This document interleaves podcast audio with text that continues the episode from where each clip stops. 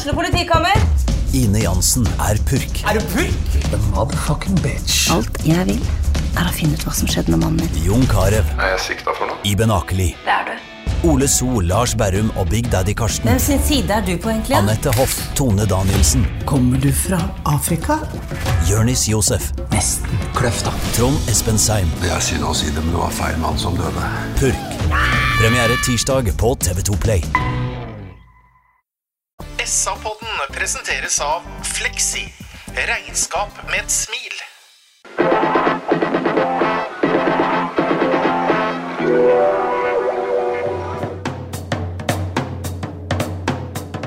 Sarpsborg Arbeiderblad gir deg en ny episode av SA-podden med Sven René Nygård, Øystein Weber, Petter Kalnes og Bjørn Inge Bingen Nilsen. Det er en stor glede å ønske velkommen til en ny episode av SA-podden. Dette er da den andre episoden av Sarpsborg Verblads uh, fotballpodkast i 2024. Vi skal starte med å gratulere sjølveste Sven René Nygaard, som nå er i sitt 60. leveår. uh, Sven. Gratulerer med dagen. Ja, det ser sånn ut, Tobre. Eller hva tenker du? Svar ærlig nå. Nei, jeg syns du ser ut som du er uh, 59 år, for å være helt ærlig. Det gjør det. Ja. Ja. Ja, Så det altså Men ikke i sånn- huet. Både helter og kapteiner blir gamle med tida, Stein. Ja, men grattis, Sven. Og jeg syns Sven holder seg bra, og så er han mentalt sterk. Så, så jeg har fortsatt tro, tro at Sven kan holde noen år til, faktisk. Øystein Weber er også i mental balanse, syns du? eller? Ja, helt 100 i vater. Ja. Bjørn Inge Binge Nilsen er bare noen uh, uker unna 59 år, du og Bjørn Inge. Hva syns du om at kapteinen din eh, begynner å bli gammel? Nei, det betyr jo at jeg gjør det òg. Så vi har jo fulgt hverandre siden den gangen det het babylaget i SFK. Så jeg vet at han er eh, litt eldre enn meg, selv om ikke det ser sånn ut. Dere er definitivt for gamle for babylaget. Jeg heter Petter Karnes, er desidert yngst og fyller 55 år i oktober. Jeg bare nevner det, gutter. Velkommen til sending, som vi kan eh, starte med at vi endelig skal snakke om en fotballkamp igjen. Det er jo lenge siden sist. Vi så Sarpsborg 8 slo Sandefjord 2-0 på lørdag i en treningskamp. Hva tenkte du, Sven, når du satt og titta på? Nei. Den beste første treningskampen jeg har sett av Sarpsborg-lag noen gang ever. Eh, Det var altså spesielt første omgang. Det blir jo mye bytter, og da, da forandrer jo ting seg. Men uh, den offensive rytmen, bl.a. Offensiv, uh, i første omgang der. Ballflytting, beinflytting, bekker som kom som kuler, en Berge som brukte kassa si, en Tibling som var overalt, osv. osv. Det, var- det var rett og slett mye bedre enn man kan håpe på så tidlig, tenker jeg i hvert fall. Vi hadde jo en prat lørdag kveld, Øystein, og du også var rimelig fornøyd. Ja, veldig fornøyd. Og, og det er jo som eh, Sven sier, nå er det jo en januarkamp for to lag, da, så, så, men, men, men vi aldri levert på det nivået her i første treningskamp, og da spesielt første omgang. da. Og, og når vi titta litt på høydepunktene fra, fra første omgang, så kunne denne kampen vært helt fullstendig over, naturligvis. Uh, Sandefjord skaper en farlig dobbeltsjanse, hvor Leander Øye er veldig bra med på notene to ganger. Utover det så har jo vi enormt mange sjanser. Det går an å telle faktisk Det går an å si at han har en seks-syv store målsjanser. Og det at vi leda 2-0 til pause, var eh, i underkant, faktisk. Bingen, du sier jo alltid at uh, det som skjer nå er helt ufarlig og betyr ingenting. Og det gjør det selvfølgelig ikke, men uh, bedre å vinne enn å tape likevel. Ja, ja, ja, og jeg syns det var en bra gjennomført uh, kamp. Og det var mange som fikk prøvd seg, og det var mange som, som tok opp hansken. Og, og jeg syns det var gøy å se at vi vinner egentlig solid 2-0. Sandefjord hadde to meget gode keepere, syns jeg, som hadde flere klasseredninger. Meget bra. Jeg likte spesielt han uh, unggutten i første omgang, han eh, som het Lukas etternavn. Uh, Alf Lukas, uh, 19-åring. Er Fin type, og det var også selvfølgelig han fine som sto i andre omgang. Uh, også en veldig bra målvakt, Hugo Keito. Så det Keep, kunne Keeperne våre så det, altså. Absolutt, det kunne vært mer. Vi kan ta enkeltspill, er jo det som er interessant egentlig, og da er jo nykommerne mest spennende, selvfølgelig. Det laget som starta i første omgang, da. Uh, da sto Leander Røe i mål. Reinhardsen høyrebekk, Velinder og Tebo stoppere. Anders Him uh, venstrebekk. Jeppe Andersen, Viktor Halvorsen på midtbanen. Niklas Sandberg, Simon- Simon Tibling, Tibling Sondre Ørjasæter, Jo Inge Berge. Og vi stopper ved de to nykomlingene Sven René starta med Viktor Halvorsen på midtbanen. Det er altså 19-åringen som eh, kom fra Kjelsås, som eh, var klar i fjor sommer, men som eh, spilte sesongen ut til Kjelsås, og som nå er i Sarpsborg eh, 08. Vurderinga hans, eh, eller Hvordan vurderer du hans innsats? Til å være første kamp, ny klubb, alt dette, så syns jeg han var helt rå. Eh, til å begynne med så syns jeg han var helt outstanding. Eh, Datt kanskje av litt utover i omgangen, ble litt mindre synlig. Men et driv med ball, stikker foran i pressleddet, stopper mye gjennomspill, vinner dueller, tøff i spillestil, god med ball. Jeg vet du hva, Et kjempetalent. Så han, eh, han kommer vi til å se mye av utover, garantert. Ja, vi kommer til å se mye av noe som du også var inne på på sendinga, Petter. Se hvordan han hele tida oppsøker situasjoner òg. Han, han tilbyr seg jo hele tida å være et alternativ for makkeren sin. Så, så han står ikke med lua i handa, altså, i den første treningskampen han spiller for Sarpsborg 08. Og det tar ikke lang tid før i hvert fall jeg noterer på i kladdeboka mi at uh, her kan det hende at vi har sett noe som skal prege 08 i 2024. Han tok jo såpass plasspingen at eh, Jeppe Andersen, som jo også spiller en helt ålreit kamp, han, han fikk nesten ikke bollen. Nei, Han var mye involvert, øh, og har jo da løpskraft. øh, Og i tillegg til så har han jo veldig fin nærteknikk. Ja, På små flater var han helt øh, Han kom ut med ballen i bena stort sett hver gang. Og han turte. Det var ikke noen sånn alibipasninger over den gutten der. Han, ville, han var fremoverlent. Bra. Annendivisjon. Sarpsborg 8 har funnet krutt i annendivisjon, eller gull i annendivisjon tidligere. Eh, er det sånn at det fortsatt er mulig å hente spillere fra det nivået og så få dem rett inn i Eliteserien? Ja, absolutt. Den fins der. Vi er, eh, vi er, eh, det er mange talenter der ute, vet du, men det handler om å, å tørre å, å plukke dem, og så handler det om å forvalte dem. Og så er det bestandig sånn at når det er en god spiller i andredivisjon, i andredivisjon, så vil han nødvendigvis bli enda bedre i en eliteserie med bedre medspillere. Så da, Han blir jo huska opp, han også, fra det nivået han er på i den andre divisjonen. Så de blir jo bare spilt bedre. Så har du toppnivået i andredivisjon inne, så har du noe å gjøre i eliteserien, er jeg helt sikker på. Ja, så var det en gang det skjedde, det vet du ikke, at eh, toppen i norsk fotball, inkludert annendivisjon, den ble ganske toppa. Altså den ble spissa, i den forstand at det, Så annendivisjon i dag er ikke noe dårlig divisjon, og det viser jo det laget han Viktor kommer fra, ved at de spiller semifinale i cupen i 2023. Og ikke bare det, men det er ikke noe walk in the park for Molde å komme inn Nei, til Oslo og hente. nesten, Ja, ja. ja. Så, så han kommer fra et godt annendivisjonslag. Så snakker vi også om en 19-åring som, eh, så vidt jeg forsto på det eh, kollegaen min Paul Carlsen skrev, har spilt 60 kamper i andredivisjon. Altså, han har jo en viss ballast, selv om han er veldig god. Ja, ja, det er viktig. Spilt masse fotballkamper på bra nivå han vet du, fra han var helt ung, og tatt læringa hele veien. Så Nei, vet du hva, Og så er, det- og så er jo det, Sven eh, Unnskyld at jeg avbryter deg, for nå begynte å hoste. Men det er jo det at der, Kan vi si det at det er som er den optimale veien å gå, da? Så vil jeg jo si at det er den optimale veien å gå før du skal ta steget til Eliteserien. Hvis du kommer gjennom med 60 kamper og blir mm. eh, Hvis ikke jeg er eh, blitt fortalt feil, så er det snakk om årets spiller i, i annendivisjon.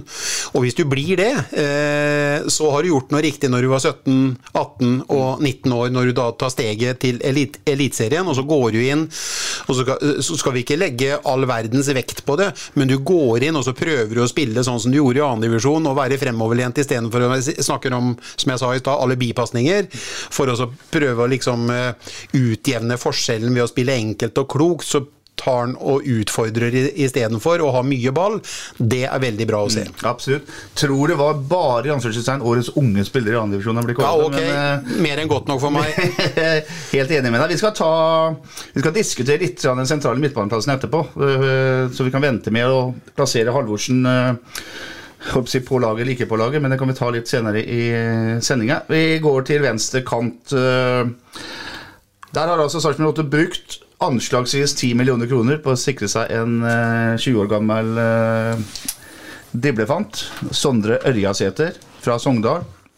Eh, 10 millioner kroner er en sum som har kommet fram fordi Viking også var i, var i diskusjoner, og den er vi ganske sikre på stemmer.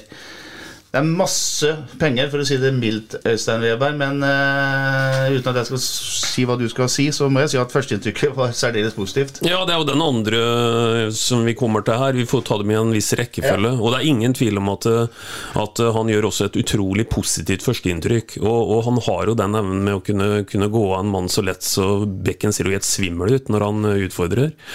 Og, og bare for å ta en liten ting, vi kommer jo litt inn på andre enkeltspillere her, men det er så god rytme på venstresida og tempo i perioder i første omgang, spesielt eh, gjennom Him Halvorsen og, og, Sondre der, at uh, en Simon Tibling, som det er vanskelig egentlig å kritisere i dag, i og med at han er, det er den dagen han nesten er i enden på alt, på en måte, og, og skaper mye og skårer to mål.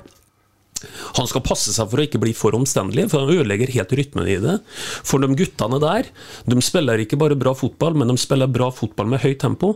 Så førsteinntrykket av både, for å forholde oss til det nå, Viktor Halvorsen og Sondre Ørjasæter i går, det var, det var meget positivt. Det har jo vært, Sven, et, hvis man skal kritisere fjorårets lag f.eks., så syns jeg det var for få som klarte det Øystein nettopp nevner, nemlig å dra en mann, skape overtall alene, mer eller mindre.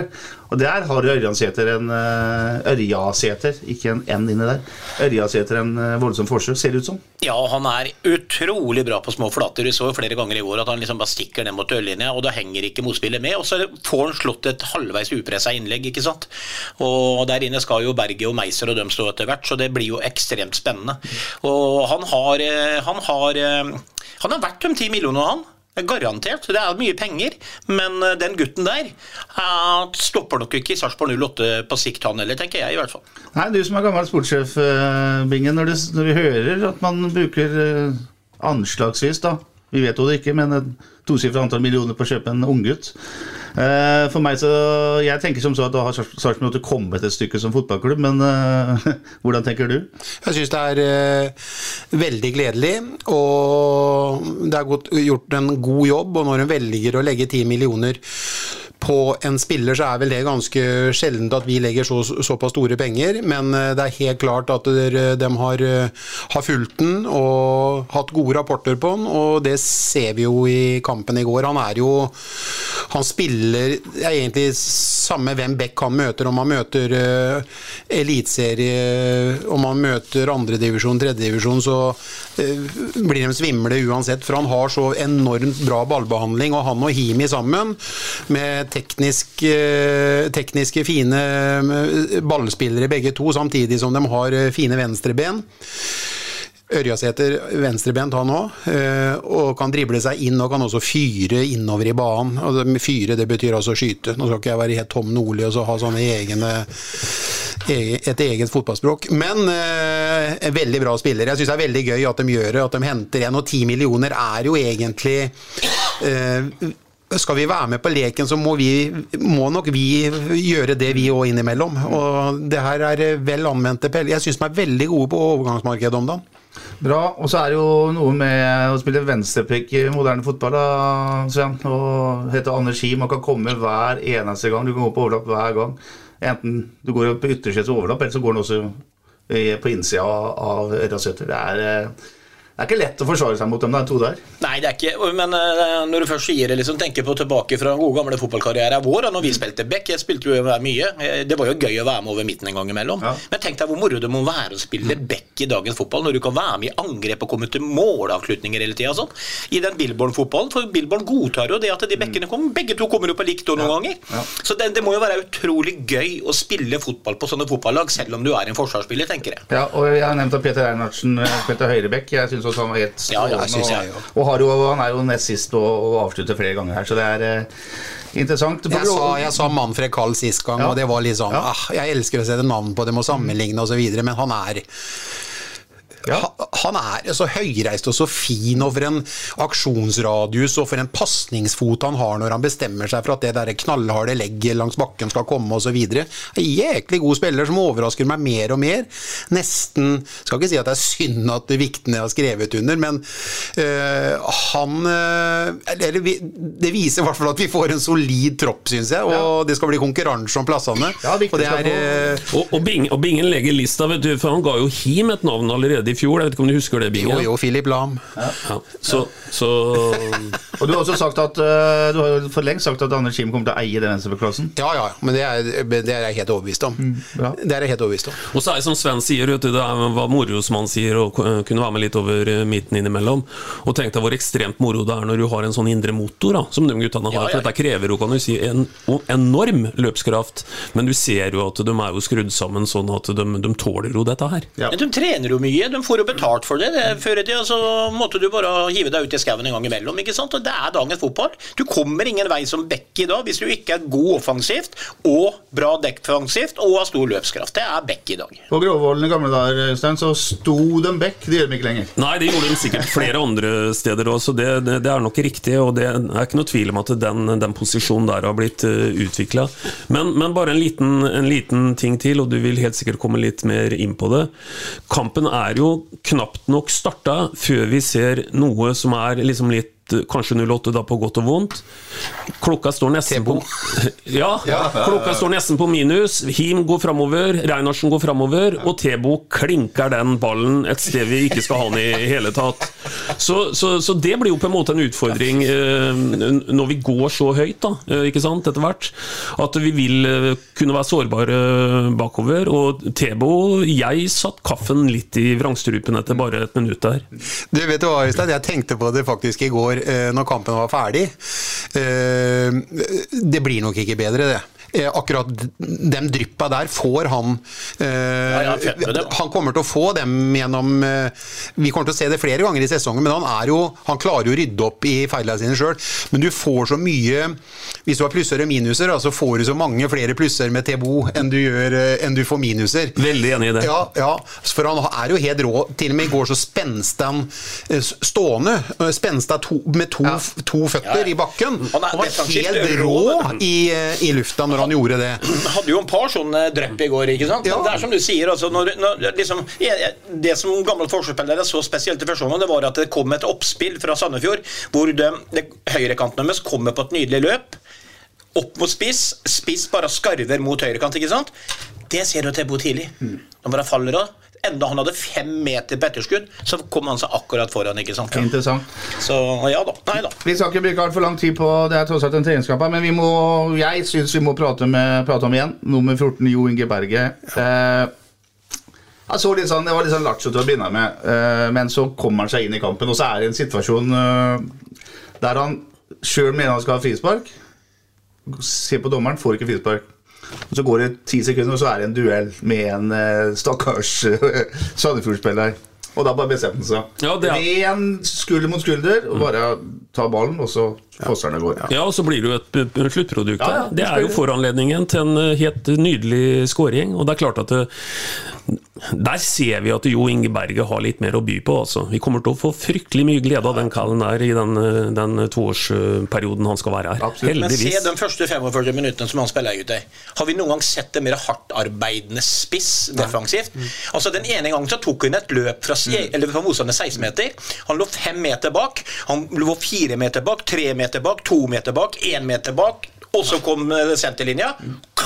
Bare tok en ball og døtte den til kameraten sin, liksom. Fy faen, det er, Og det er så gull verdt, altså. når- og når det skjedde, Sven, og vi erobra ballen på det Ja, løpet ja, ja. hans hjemover, Ja, ja. så var han mm, Så fort det var gjort, så var han Så var han foran kassa var når vi på, angripe. var han på vei eh, oppover igjen med én en eneste gang.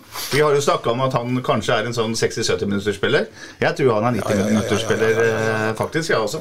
For han har en fysikk som er helt rå. Ja, Ingenting hadde vært bedre enn det. Og akkurat det guttene beskriver her, så vi jo egentlig den smått legendariske 5-2-skåringen mot Rosenborg hjemme, hvor han er den som bryter defensivt først, spiller vel ballen til Seknini, skjønner at nå er det jeg som faktisk kan komme igjen på denne siste, den siste pasningen her, og tar et formidabelt løp. Og det er sent i en, i en kamp her hvor det har kosta mye krefter. Så han, eh, han har en svær motor ennå, den kallen der. Andre ting dere har lyst til å snakke om eh, når det gjelder laget fra første omgang? Ja, jeg har, jeg har lyst til å si en ting. Det høres kanskje rart at jeg skal si det nå. Jeg gratulerer Tibling med to mål. eða jeg syns han plasserer seg fint og kommer etter osv. Men jeg, jeg, jeg, må ærlig innrømme i den rollen, eh, Tibling, så kan du ikke ha så mange balltap og være så omstendelig. Det blir litt for mye fotsalpreg over den. Eh, og jeg kunne godt ønske at han utvikler Altså, han må være mer orientert i forkant når han mottar ballen, istedenfor at han skal sinke spillet når løpet kommer ved siden av han, og så kan det bli balltap i tillegg til. Så jeg syns ikke han skal få godkjent igjen for to mål, det, og det høres sikkert snålt ut for lytterne at jeg pirker på han nå, men jeg syns rett og slett ikke han gjorde den jobben godt nok i form av at han hadde for mange ba balltap. Det er det ene minuset. Og så vet jeg jo at det er eh, sukkerungen din på høyre, Weber. Og jeg, jeg, jeg, får, jeg føler fortsatt at Sandberg har litt mer At han har han får ikke ut alt. Han er litt forsiktig. Vi snakka om kanskje at Seknini var eh, eh, litt forsiktig. Hvorfor fokka han ut potensialet sitt? Jeg føler bestandig når eh, Sandberg spiller, så føler jeg at han har så mye mer, for han glitrer når han gjør Han, gjør, han, har et toppnivå som er voldsomt uh, godt, så jeg forventer at han skal uh, være mye mer på gjennom hele kampen enn at du ser det stykkevis og bruddvis. da. Mm. Det er uh... ja, nei, men eh, Skal vi gå hjem da, gutter? Bingen har jo tatt en hel kampanalyse på hver enkelt spiller. Ja. Nei, ja, vi har noen igjen, da. Ja, kom igjen. Hva vet han? Sånn Nei, Jeg vet ikke, men, men, jeg er veldig enig med Bingen. Altså, det var bare spøk. Men, men, Binge, men, det som er så fint med Sandberg, syns jeg, da, at jeg, jeg, tror liksom at når seriekampene kommer igjen, så kommer det venstrebeinet hans, og han er så prikkfri på, på sine legg og pasninger. Det, det er nydelig. Ny sesong, nye spillere. Trenger tid, han også, men eh, han, han, kommer til å prege 08 i år. Ja da, og for å nyansere bildet litt, jeg er enig med mye av det Bingen sier. Og jeg jo tror at Sandberg har et betydelig høyere toppnivå, men legg merke til et par ting han gjør i går. Altså, han har en fotballhjerne, den kallen der. Altså, han spiller vekta pasning inn i bakgrunnen her helt riktig, som resulterer i en 45 ut. Jeg lurer på det var så mange sjanser der, Petter, men kanskje det er den hvor Jo Inge Berger regulerer et bomber ja. uh, som ender opp i den. Så, så Sandberg er involvert, og, og, han vil vi garantert uh, se mye av. Og så tror jeg at uh, Sandberg er en sånn type som har et veldig høyt laveste nivå. Det tror jeg han kommer til å flyte lenge på, på en måte. Mm. Leander Øy var god, og min hakkekylling i fjor, Jeppe Andersen, han var god. Helt enig. Da er vi ferdig med førsteomgangen. Da vi kan slå fast at uh, vår venn Sandberg fortsatt er sukkerungen din, Øystein? Ja, Sukkerungen, jeg har ikke hørt det, men Bingen jeg vet han vanker i noen kretser hvor det er brukt mye. Vi bytta sniv av i. Sukkerungen. Eh, den som kommer inn, er Mamor Ndiaye i eh, buret. Magnar Ødegaard og Anton Skipper går inn som uh, nytt stoppepar. Sander Kristiansen erstatter Him som venstrebekk. Skal vi se. Vi har uh, Aymar Scheer som debuterer på sentral midtbane sammen med junior. Og så er det framme der så spiller uh, Seknini. Der spiller uh, Martin Hoel Andersen på hver sin kant. da.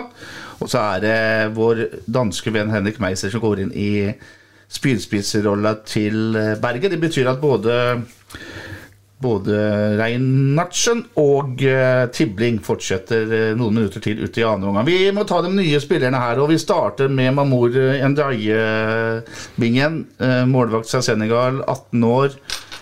Hva tenkte du når du så han?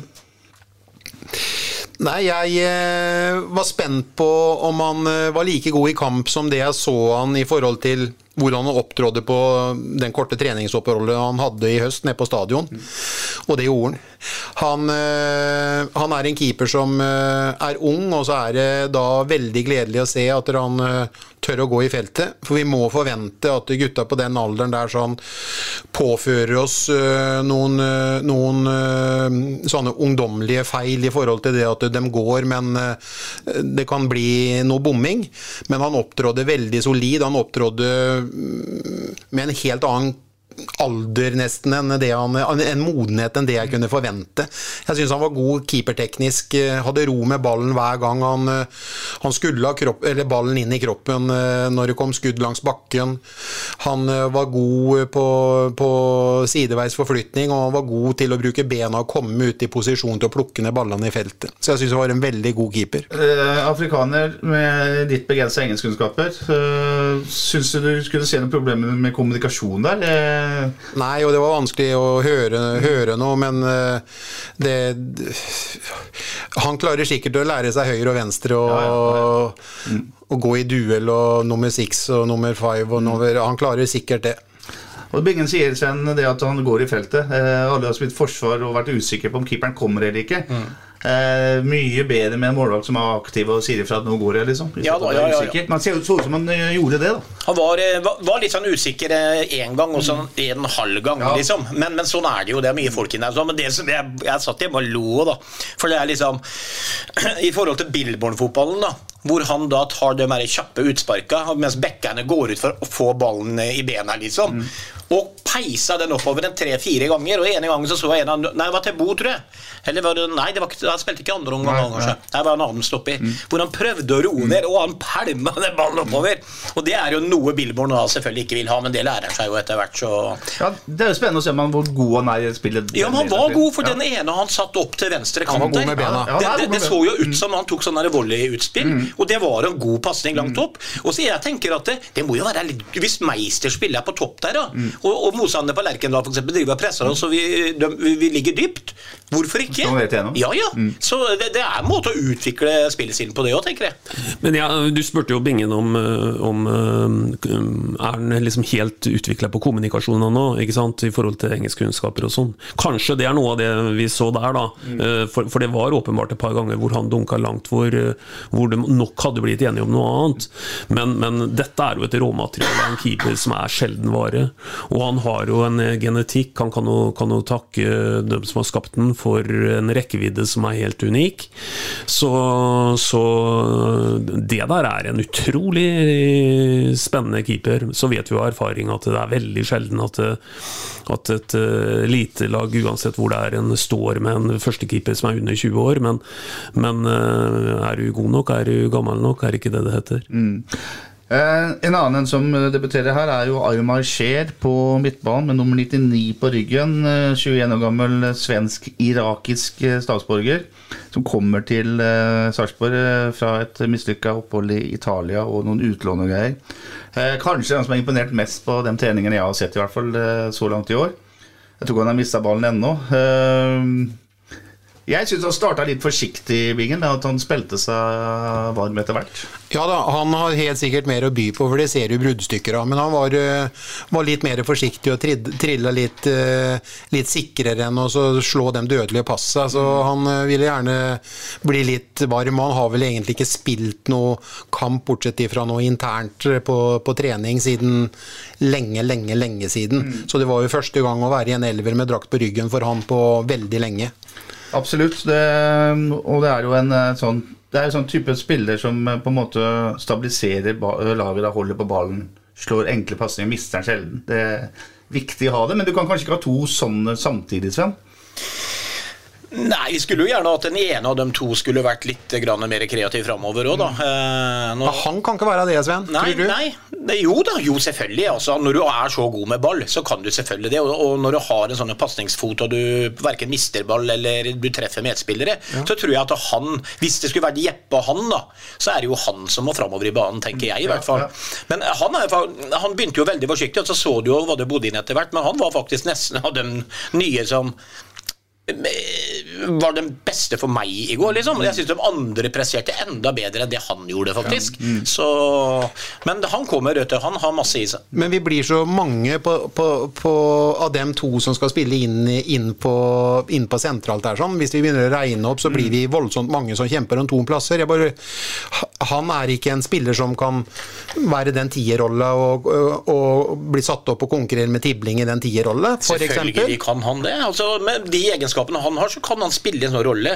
Altså, han, han kan få et hardt oppspill han, som ikke spretter under han. Og han har kroppsvendinger som vender bort motstander, og så ser han opp, og så trer han baller. Så selvfølgelig kan han det. Jeg tror han er mer beregna som en stabiliserende sentral Ja, men nå har vi mange av dem, La oss ta det. Vi kan jo ta den diskusjonen Ja, som, jeg hadde prøvd å, som jeg prøvde å si at vi skulle ta etterpå. Vi tar nå, da, eller? Aymar Scheer er én. Viktor Halvorsen er to. Jeppe Andersen er tre. Junior er fire. Det er dem som er nærmest. Så har du Jakob Øverby, som eh, sannsynligvis, eller muligens, skal ut på utlån. Men det er altså DM4. Skjer, Halvorsen, Jeppe og Junior er eh, dem det kanskje handler om. Og så vet vi også at Tibling helst vil spille senter på midtbanen, men det er vel ikke tema. Så handler det om å satt sammen de to, da, eh, som skal fungere i, i par.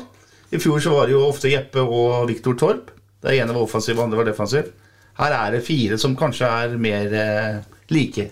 Det er en utfordrende greie. Ja, det er en utfordrende greie. og så Jeg vet ikke om det er tida for oss å si litt om noe statistikk i forhold til hvem som funka og ikke funka like bra i, i, i fjor.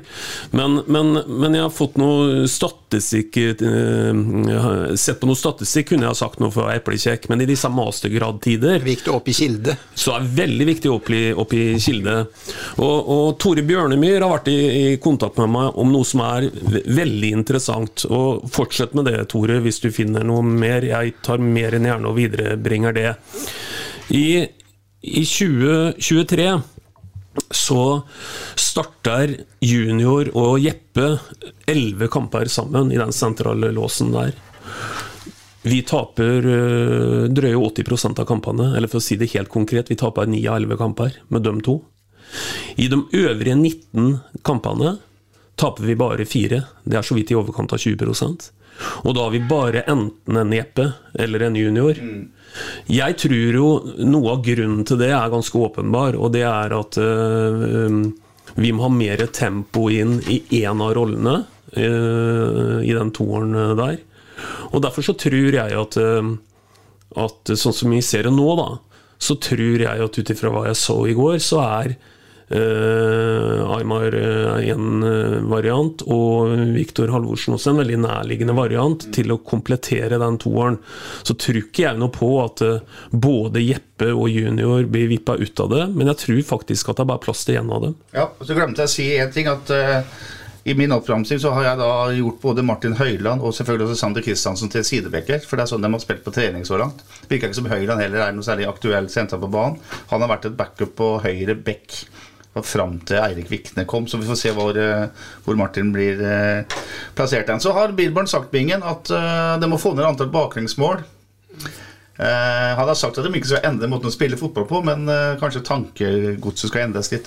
Kan det være sånn at man søker mer to stabiliserende mer enn det man gjorde i fjor, da man hadde én og Viktor Torp som var den offensive? Jeg mener De slipper opp bekkene fram. De har eh, to kanter en, eh, og to spisser, en dyp og en eh, frontspiss. Det er jo nok folk framme der allikevel. Ja, Du har jo en i Jeppe Andersen som, som, som er en sånn type spiller. Som er en balanserende midtbanespiller som sjelden lar seg lokke, i hvert fall ikke helt helt fram i banen, som er flink til å være lojal mot, eh, mot eh, plassen sin.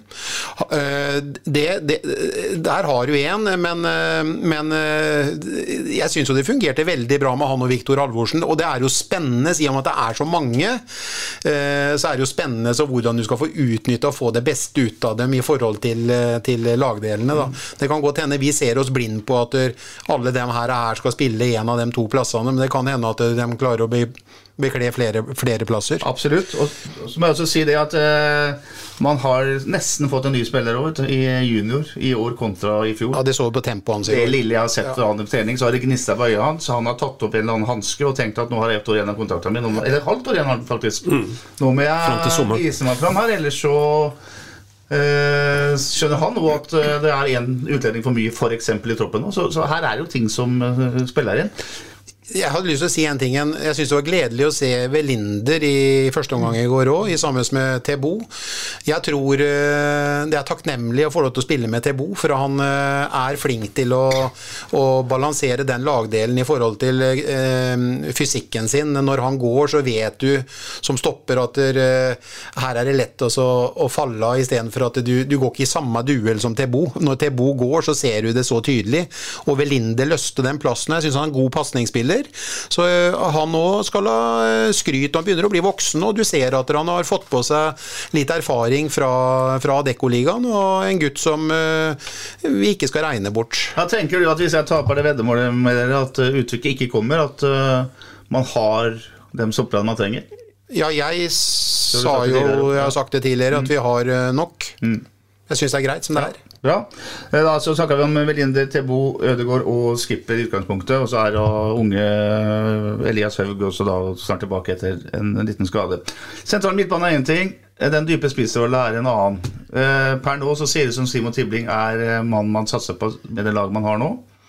Da har man ikke flytta noen uh, sentrale. Man har heller ikke gjort det mange snakker om. Uh, flytte Jo Inge Berge et hakk tilbake og bruke både han og Meister.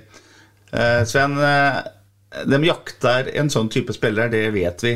Er det behov for det, eller skal man sørge for at man kan ha både Berg og Meister på banen samtidig med å la Jo Inge Berge ta et steg tilbake? En umiddelbar tanke, da tenker jeg det Meister og Jo Inge Berge at både litt i forhold til skadehistorikker og diverse ting, så er, er kanskje ikke alle eller begge tilgjengelige hele tiden. Og jeg tenker at Tibling, hvis de skal ta et steg, så må vi få inn en spiller der som Tibling var i går, som er bedre, som Bingen var inne på, enn Tibling. Og da må Tibling i mine øyne nesten gå det, ut av den kvota. For det er Hvis, hvis de finner en knallspiller i den tierrolla nå, så er dette så sjukt spennende. Og det, det leter de jo etter, og det håper jeg. Og da, da ryker Tibling uh, ut, sånn som jeg ser det, ja, da, i hvert fall. Ja. Jeg bare fortelle Jeg har sett noen treninger så langt med Gjesdal. Og hvis jeg hadde kommet ned der som uh, på min første Sarpsborg 8-trening noensinne, og sett på det laget der, så er det én mann du legger merke til. Det er Simon Tibling.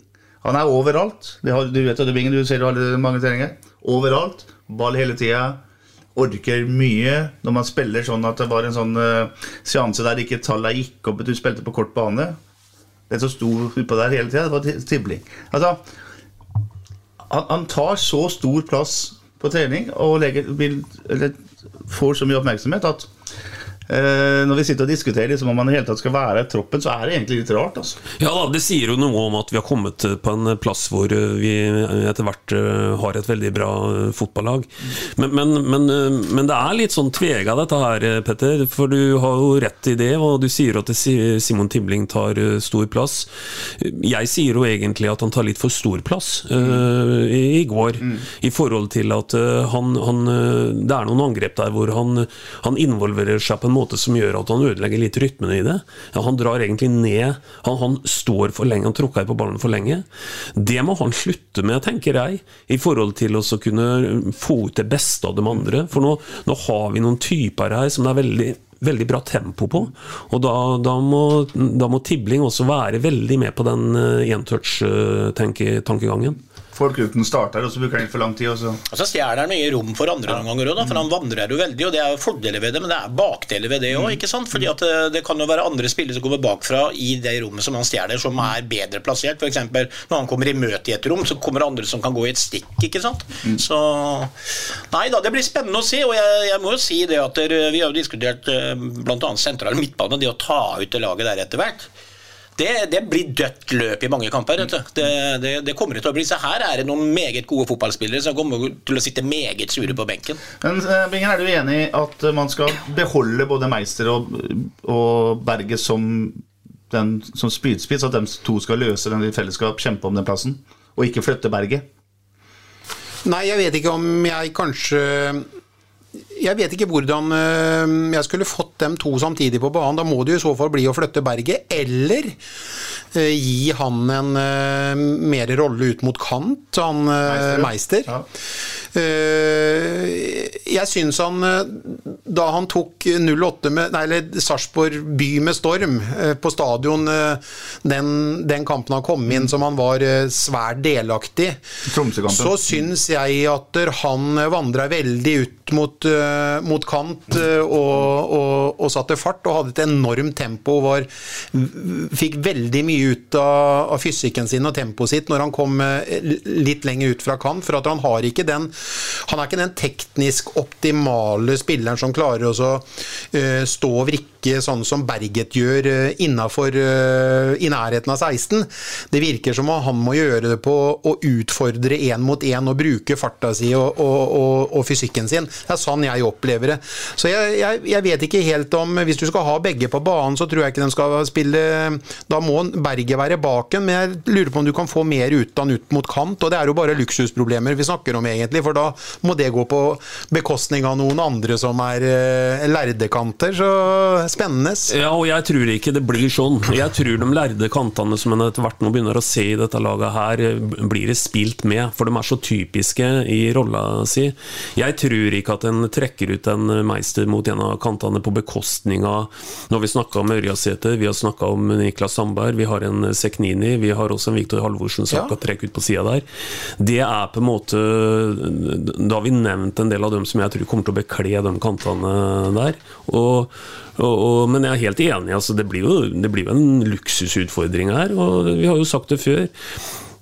Konkurransen har vel aldri vært hardere. om å Nei, komme og nå syns jeg vi er flinke. Nå brainstormer vi litt. Og da er jo da alternativet i den tierrollen da, da, da Det sier seg Den er, ikke, den er, den- er jo ikke Meister sin. Da er jo den eh, Da skal han spille på topp, da, og så må den være Berget sin. Ja, da, det, Den konstellasjonen må du jo ha pga. ballmottak og Ja. diverse ting. Og sånn. Og- Og 4-4-2 skal vi jo ikke spille, men tenk deg de to i 4-4-2. Ja. At Berget går på å vinne alle førsteballer og Meister trua bakrom. liksom. Da hadde det blitt eh, krutt. Men Meister han dro mot venstre i det ene innhoppet sitt det på stadion. I utover i en fotballkamp når motstandere begynner å bli sliten, og får han ut på venstre og blir tredje gjennom mellom stopper og back der, og han kommer på skråløp inn. Også spennende. Ja. Ja, og så er det et alternativ til, og det er at, uh, at uh, Du kan godt si, Petter, at uh, jeg lurer på om Jo Inge Berge har 90 minutter i seg, men 90 minutter over 30 kamper tror jeg ikke noe på. Nei, ikke. Uh, Så, så jeg tror at han er best i, i en noe kortere fase av, av kampen. Og da har en plutselig et helt annet verktøy på benken å sette inn når en eventuelt setter inn Meister mot, kan du si, eh, i en type kamp hvor det er litt bakrom, f.eks. Han beviser jo på tester gang på gang at det er ikke bare at han ser ut som en million, men han er raskest av alle. Og det er klart at det, det å tenke en kamp her hvor du, hvor du spiller fra start med Jo Inge Berge, og, og spiller én type ikke, ikke spiller bakrom på den måten, for det er jo ikke Jo Inge Berge sin rolle. Han kommer mer i møte og er den på en måte den type spiss.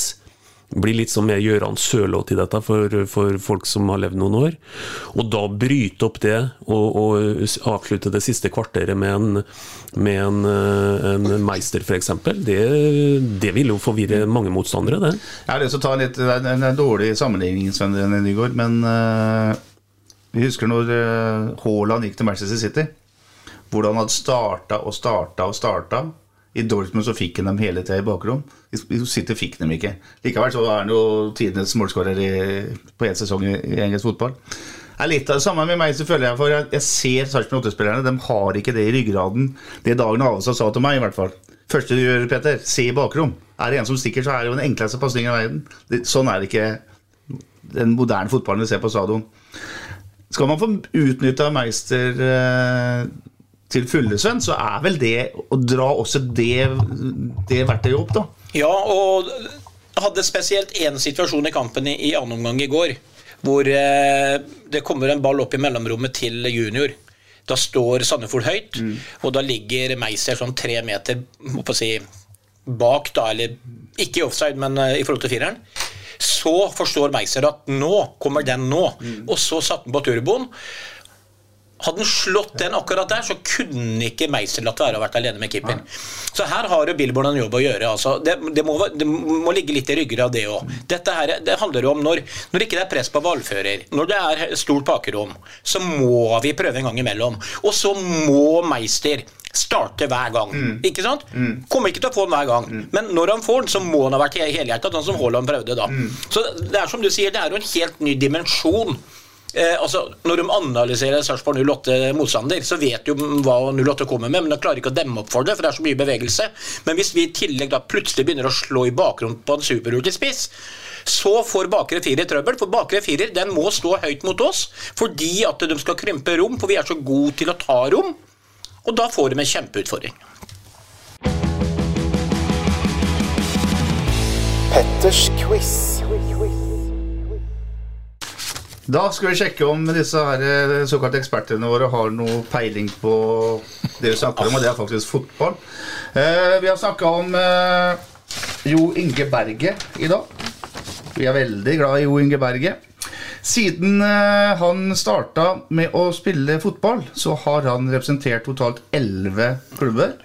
Som barn, som ungdom, som amatør og som helproff og utenlandsproff og det ene og det andre. Elleve klubber. Da klarer jo Sarpsborg 08. Da er det ti til. Og jeg mener, eh, for at jeg skal være fornøyd, og at dere skal kalle dere eksperter, så må dere vel klare seks, i hvert fall. Det er Lyn, Da tar dere helt med ro, og jeg setter et kryss for Lyn. Molde. Molde. Bra. Cardiff. Bra. Malmö. Bra. Mange har vi. Gran. Én, to, tre, fire. Gran på Hadeland, kanskje? Gran er fem. Jeg husker jo ikke navnet på den i USA, men han var i USA òg. Dere trenger én til for at dere her. sånn. Eh, MLS, eh, Major Soccer League, han var jo der. M MSL. Ja, Ja, du kan si at han spilte fotball, da. Ja, skal vi se, vi kan jo prøve, Bingen, å huske hvor var han en borti der, ja. Jeg har representert landslaget, da kan vi ikke ta dem av? Jo. Han har vært eh, Vi kan jo si såpass at han har vært i en italiensk klubb. ja. Og så har han jo et par utlån. Vært i Nederland nå, eller? Og så har han en amerikansk klubb. Ja. Og så har han faktisk én en eh, barndomsklubb til. I tillegg til Gran. Ja. Som ikke er en klubb jeg ikke engang trodde visste eksisterte. Dette her er nok superinteressant for ja. alle de tusener på Nei, tusener men som sitter og er, lytter. vet du, det er jeg prøver å kartlegge hva det egentlig er for fyrer som sitter eh, Men jeg syns ikke det her er så hakkende gæren. Nå begynner jeg å google nå, eller? Nei. Men mens du etterpå, du må komme tilbake til quiz etterpå, for du må spørre Øystein om han har vært i quiz med meg etterpå. ja, Ta det bort nå. For tenk litt, da. Åh, ble, han ble jo solgt fra Lyn til Italia i 2008. Se Petter sitter og leser ifra Google-arket sitt. Nei, jeg vet ikke, Petter. Jeg har ikke peiling. Er du sur nå, eller? Ja. Gran. Og så spilte han inn som heter Hadeland. Ja. Ja. Gikk til Lyn. Udinese. Udinese. Utlånt til Godset. Det hadde du glemt. Det stemmer, ja. Molde Cardiff, bra. Utlånt til Celtic. Ja. Celtic. Malmö FF. Og han spilte i The Big Apple. Og det er ikke noe rart i at den gutten der er rutinert. Det er rutinert kar. Ja. Dere stryker på den andre av to Ja. podder, eller quizer som dere har fått. Det betyr 100 stryk. Ja, og så bare for å ta den store elefanten i rommet, så har ble Sven og jeg utfordra på en sånn quiz i Foss, på Fossefallets kalde julebord i januar, og Sven vant 8-1 over meg. Ja. Det hjelper er ikke. det Så da vet alle hvor kompetansen sitter. Ja. altså Sven Leksikon. 2-0 til undertegnede i quiz, og det kommer til å komme én i hver episode. Jeg skal prøve å gjøre det enda enklere her. Jeg trodde ikke det var mulig å få det enklere enn det her. Bra. Vi skal snakke om eh, litt eh, økonomi, og eh, ta utgangspunkt i at eh, Victor Torp, som vi vet ble solgt eh, til Coventry for noen eh, uker siden for en eh, svært sum med penger. Men der Øystein, har det dukka opp etter hvert at eh, fordelingsnøkkelen var langt dårligere enn han pleier å være i Sarpsborg 8. Uh, Bjørge Øyestad er jo egentlig kjent for å få høye sånne videresalgsklausuler, men eh, denne gangen så var det en 50-50-fordeling med Midtjylland, i hvert fall det som har kommet fram i media. da. Ja, men La oss forholde oss til det, og la oss si at det er riktig. Og så er det jo ikke noe om at Børge Høistad pleier å få høy videresalg. Dette blir jo en motsatt sak. Han sitter og forhandler med AGF, da, og AGF sier at dere kan godt få han for en billig penge, sånn up front som det heter, men da skal vi ha så og så mye av pakka. Og det vet jo du, Bingen, som har sittet med kjøp og salg hele livet, at det er jo å ta og gi, og så blir du enig på et eller annet nivå. Og hvis det er riktig, da, at det er 50-50, så Var det AGF, eller var det Midtjylland? Ja, Midtjylland. Ja. Og, og jeg leser at det er noen som sier at vi kan aldri på en måte etablere oss som noe topplag når vi selger årets spiller for 2023. Eh, Det er lov å mene det. Det er jo ytringsfrihet, det skulle bare mangle. Men jeg har en ytring, jeg òg. Jeg er diametralt motsatt på det. Det er nettopp sånne ting som dette her som gjør at vi eh, bygger et eh, omdømme og, og bygger en klubb som faktisk kan lukte på medaljer både i år og kanskje om fem år, for den saks skyld. Og det går an å begrunne det litt, eh, Petter. Den øvelsen som gjøres med Torp her, den er helt formidabel. Han er altså i Midtjylland, og det ikke de, de er jo villige til å slippe han. Han er innom Fredricia i, i Danmark, han er innom Lyngby, og, og havner til slutt i Kortrich i Belgia, hvis det er det det heter. Og det er der han er når, når øh, fortsatt Midtjylland sin øh, eiendom. Da, da Sarpsborg plukker opp han. Og de har sikkert øh, Da er han ute i kulda. De, det er ikke noe dyrt case. I hvert fall ikke knytta til den der videresalgsprosenten som antagelig er, er riktig. Og da gjør 08 her noe som er helt formidabelt. De greier noe som fire andre europeiske klubber ikke har greit. Å få, få ut uh, potensialet i en fantastisk god uh, fotballspiller. Det i seg sjøl vil bli lagt merke til, det er ikke noe å lure på engang. En sitter også med en litt sånn en forpliktelse i anførselstegn, for det er ikke noen formell forpliktelse. Men når en begynner å få noen bud som begynner å bevege seg opp i den størrelsen, og en sitter med en, en, uh, en eier i bånn her, som ikke kan forlange noe som helst. Men det er lett å tenke seg at uh, Midtjylland er happy med den beslutningen som Sarpsborg her uh, tar. Da gjenstår egentlig bare mitt litt sånn retoriske spørsmål. Rekk opp handa den som tror at det ikke er gunstig å være venn med Midtjylland.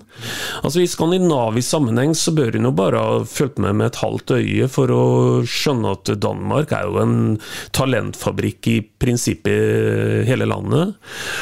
Og vi står nok med kursiv da, i boka til Midtjylland. Sarpsborg står med kursiv i positiv forstand etter hele denne historien her. Så jeg syns det er en fantastisk handel, og det er ikke den vi har tjent mest penger på.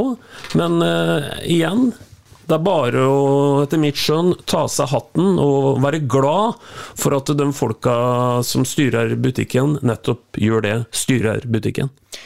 Ja, Helt enig med Øystein. er fantastiske fantastisk i mine øyne. Og så kan du tenke deg Når du ser også Viktor Torp åpner Coventry-karrieren sin med det målet Det er jo sånne ting man sender på Sky gang på gang på gang på gang, og det navnet dukker opp hele tiden. Og når du spiller tross alt i en tung klubb som heter Coventry, da det er et eh, navn som det står respekt av, og i nest øverste nivå Og hvis han da skulle prestere litt utover her nå, da, og begynne å tenke tanker at de skal liksom gå til en Premier League-klubb eller et eller annet, da vet jo alle hvilke beløp det her kommer til å handle om. Og når du kommer opp i de prosentene og sånn, da Herregud, det er jo enorme penger ute og går. Mm. Spilte altså mot Enorme penger. Sheffield Venstre i uh, FA-cupen og skåra 1-0-målet til uh, Coventry. Ble tatt av etter 62 minutter, spilte da en time, da. Kampen som endte 1-1. Skal vi holde på øh, lenge Hvor lenge Du må ikke avslutte, for jeg har én ting apropos glad.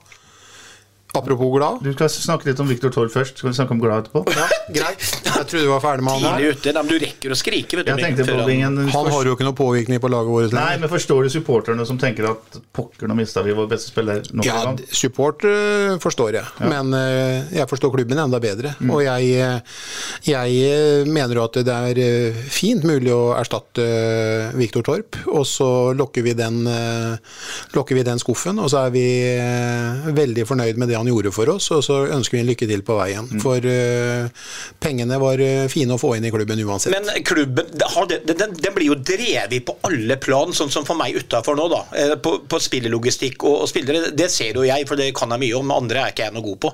Men har klubben blitt drevet noe bedre enn noen gang han gjør nå? Både økonomisk, med spillere, eh, logistikk, eh, forventninger, salg. eh, Skaffe vårt et navn ute i Europa med å selge fotball Nei, vet du hva.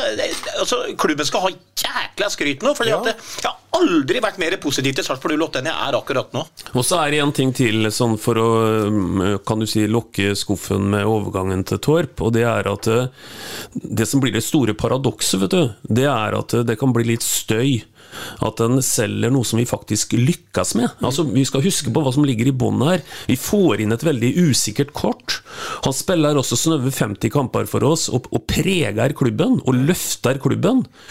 Og, og det hadde vel ikke vært noe bedre at vi fikk inn et usikkert kort for halvannet år siden som ikke har vært noen ting her hos oss, og som vi hadde kvitta oss med for det vi ga osv. Da hadde det jo ikke blitt noe kommentar rundt og det var Kanskje til og med noen applaudert for at vi i hele tatt fikk noe tilbake og dekka inn det vi en gang ga osv. Så, videre. så det, det som ligger i bånn her, det er jo rett og slett at han har greit å restarte karriere på en formidabel måte. Bra. Vi applauderer eh, salget og ønsker Viktor Torp all mulig lykke til. Eh, og håper han fortsetter å skyte, for det kan han. Jan. Det der er et Ja, det- eh, fantastisk mål. Gå inn og se det på Dere finner det sikkert på YouTube eller på et eller annet annet sted. Nå skal Bingen fortelle alle lytterne hvorfor han er så glad. Nei, ja, jeg ble glad i går. Først så syns jeg det var urettferdig. Men eh, Og det handler om Jakob eh, Auby, som kommer inn når det er 21 minutter igjen på klokka. Og så syns jeg det var Nei, faen, hvorfor gjør dere det, Billborn og Bjørklund? tenkte jeg, Hvorfor skal dere sette han opp mot eh, Al-Saeed, som faktisk var eh, årets hit på venstre, venstre kant i, i norsk fotball i fjor? Og så blir jeg så glad når jeg ser hvordan han eh, løser det. Og jeg ser jo at han har tatt eh, steg eh, Fysikken hans har bestandig vært bra, men han blir jo voksen, mer voksen for hvert år som går, han òg. Godt trent gutt. Og så så kommer du inn på den bekken, og så erobrer du ballen, og så istedenfor å snu opp og så spille hjem, så utfordrer du rommet foran deg, og det gjør han faktisk eh, alle gangene han mottar ballen på, på, på, på bekken i går. Og det, syn- og, det ble, og det gjorde meg veldig glad. At eh, en av våre egne fra eh, oppvokst i Østre bydel eh, går ned på stadion og later som det er helt naturlig for han. Det syns jeg var helt fantastisk, og da snakker du om å, å ta opp hansken når du først får muligheten. Så gratulerer med innhoppet og gratulerer med prisen i går, Jakob. Veldig, veldig, veldig bra. Ja, og så er det jo ikke plass til hans heller. ikke sant? Han har jo vært en midtbanespiller, men nå skal ikke jeg skryte på meg om noe, men det er vel ett eller to år siden hvor jeg husker jeg sa at Jakob Auby han hadde et potensial som jeg så på rekruttlag som ingen andre hadde. Det var den eneste i mine øyne som var i nærheten av å kunne komme inn på det, på, og prege det laget eventuelt. Og han- var utrolig god i går. Han er, han er en bra fotballspiller. Så åh, tenk om han kunne lykkes enda mer framover, så har vi i hvert fall et eget produkt igjen, og det er enig med Bingen. Det er jo liksom, det er god reklame, det òg. Kan også fortelle at Hvis eh, man skal regne årets mål på trening, så har han eh, årets mål så langt. Kanskje det som blir årets mål. Gjør et mål her om dagen i Østerdalen, i den dype spissorda. Mottar ballen eh, feilvendt, gjør seg rettvendt, drar av to mann og dunker den opp i hjørnet. Et strålende mål. altså. Det er en spennende fotballspiller. Ja, veldig spennende. Og én ting er hva han Øyby kan, som talentspeider Sven, som han sier, har sett tidlig osv. Men det skal noe til å komme inn og levere det. Altså. Og, og, og det også han gjør i går, det er et uttrykk vi brukt tidligere i poden. Han står heller ikke med lua i handa. Han tar virkelig tak i den muligheten han får. Kort øh, om et annet tema som også gjelder Jakob Øyby. Øh, sannsynligvis, det snakkes av veldig om at han kommer til å spille i Kvikk, Halden, sesongen som kommer. Eh, Jarek Sundling er allerede på plass i Halden, og det er også snakk om at eh, Rakai skal eh, samme vei. Rakai som også gjorde en bra jobb i går, syns jeg. Også en annen unggutt. Hva tenker du om det, Vingen? At får Nei, da syns jeg liksom Jeg syns kanskje at Kvikk er et steg eh, litt for langt ned. Da hadde vi heller prøvd oss å låne den ut til f.eks. Obos og latt den heller få litt eh, Latt den heller få eie midtbanen til Vålerenga, da, for å si det sånn. Men jeg, jo, jeg tror de har fått noe å tenke på. Jeg tror at et sånt innhopp så har de fått noe å tenke på. For det er ikke noe tvil om, som Bingen sier, at eh, vi har jo Det er heller ikke snakk om et Obos-utlån. Vi snakker da eventuelt eh, en middels annendivisjon. Mm. Midt på Det har vært der det har vært nå. Og det er eh, eh, Sitter og føler på at uh, Vent litt nå. Ja, jeg kunne tenkt meg at de venta litt, og så syns jeg når, eh, Hvis det blir sånn at du eh, blir da den 22. mann, så har han i hvert fall tatt opp hansken enormt. Så han, han, gjorde seg faktisk litt mer spillbar for Bjørklund og Billborn i, i går. Og han bekler jo flere plasser, og du vet jo hva du får han. Du får jo 100% hver gang han tar på seg drakta og går ut på banen. Så jeg syns Kvikk kanskje er litt for eh, langt ned i forhold til hva jeg håper og forventer at vi får se av han i framtiden. Og da håper jeg at det blir på 08 sitt A-lag. Men gutten har eh, tid og godt av å komme ut, og det var flåsete når jeg nevnte Vålerenga, men kanskje Obos er rette plassen for? Mm. Men uansett, gutter, så er vi kvalifiserte, det tør jeg påstå. Men jeg, tror de er enda mer kvalifiserte enn Epper, så de finner en løsning som er den beste for Øyby, tenker jeg. Og i forhold til nivå og klubb, det handler ikke bare om nivå noen ganger, det handler om klubben, og det handler om hvor trenger den klubben spillere. sånn at han får spilt mest mulig, osv. Der tror jeg de har full kontroll, men at han er noe på sikt, det er, det er sikkert. Og så er det noe, Dessverre for han, så er det konkurrerende nå med ja, ja, ja. på den vanskeligste plassen på banen sentralt her. Det er jo Men eh, og om Kvikk, om det ender om Kvikk, det vet jeg heller ikke, men det, det er det det blir snakka om. da, Og så har det også vært snakka om eh, Tidlig var det litt snakk om Åsane, tror jeg. Men, uh, men du tror han kan spille i førstedivisjon? Det tror jeg. Mm. Bra. Vi ønsker Jakob lykke til, og gratulerer med idrettsstipendet som han fikk eh, i går. Poddens overtid. Overtida handler om noe som uh, Sven René Nygaard og Bjørn Inge Binge Nilsen har masse erfaring fra, nemlig treningsleirer. Vi skal ikke snakke om uh, treningsleiren til SFK på 80- jeg, jeg kan godt ta en par av dem. Det egner seg ikke på, i en podkast som også barn kan høre på. Ja, Men det kan du høre på på kveldstid. ja, det er, det er, mye fint å prate om. Men jeg har lyst til å snakke om uh, det faktum at uh, man reiser på treningsleir til onsdag, skal være borte i ti dager. Spille to kamper mot AIK og Hamarby. Eh, alvorlig talt, eh, Bjørn Inge Nilsen, hva er viktigst med en treningsleir på denne tida av året? Altså gode treninger osv., men det er, en, det er mye mer enn bare trening og kamper det handler om? Ja, du bygger, jo, du bygger jo, troppen din i, i, forhold til at du skal ha Du skal jo ikke bare ha relasjoner på banen, du skal ha relasjoner utafor banen òg. Men samtidig så er nok det her eh, veldig viktig, og jeg ser jo at det er flere lag som drar to perioder mm. ned nå, enn eh, å bare dra én periode. Bodø-Glimt dem eh, blir vel siden koronaen, da de på en måte fikk hele Norge mot seg i forhold til at de dro under koronaen, de, har, de her gjør jo det her i mange uker, på, og de får jo veldig fine treningsforhold. Så jeg ser at det er nødvendig både for relasjonen på og utafor banen, men det er nok veldig, veldig viktig å trene på, på glimrende underlag, varmt, korte bukser, mm. og komme i et klima som eh, er mer tilpassa fotball enn du får f.eks. på stadion her i, i månedsskiftet månedsskift januar-februar og utover mot seriestart. Mm. Det er vel tilbake til 2019 2019, da Sarpsborg hadde to perioder. Da var man først på på La Manga, vel, og siden på i Benidorm. Men eh, Øystein, eh, både Hampus Andersson, sportssjefen, og, og Billborn, treneren, har sagt at eh, det er så viktig å ha så mange som mulig på plass før man reiser på treningsleir. Og Der kommer vel nettopp det Bingen sier inn i bildet her, at man skal bygge relasjoner. Ja, det er jo nettopp den bondinga som Bingen er inne på her, at de bygger jo grupper og de bygger jo de sosiale relasjonene. Så det er klart at det er viktig. Og så bør jo ikke, vi bør ikke finne opp krutt i denne diskusjonen her, for det er jo som Bingen sier, det å erstatte en trøvrig norsk vinter med skikkelig underlag og, og, og varme, og sikkert mye mindre skadeutsatt i forhold til temperatur og strekker og alt mulig, det, er, det må være masse pluss. Og så hører jo med til historien når vi begynner å trekke inn noen av konkurrentene våre som er ute mye mer, så har jo det også sammenheng med at de har en sesong, egentlig europasesong, som de uh, hele tida driver og forbereder og skal i gang med tidligere osv. Men det blir nok uh, utrolig viktig, og det blir veldig spennende å, å, å følge med på. Jeg syns det var egentlig litt sånn spennende utvikling med at nå reiser eliteserieklubbene litt forskjellige steder og møter litt forskjellig motstand. Jeg syns det var litt kjedeligere før med La Manga på en måte, hvor alle Du møtte de samme mm. laga som du møter her hjemme. Det å komme ned nå og møte uh, topp svensk standard, det blir morsomt å se hvordan, uh, hvordan vi kan måle oss med det. Legg også merke til Sven, at Billborn sier at uh, det er ikke snakk om å bytte hele laget pause her.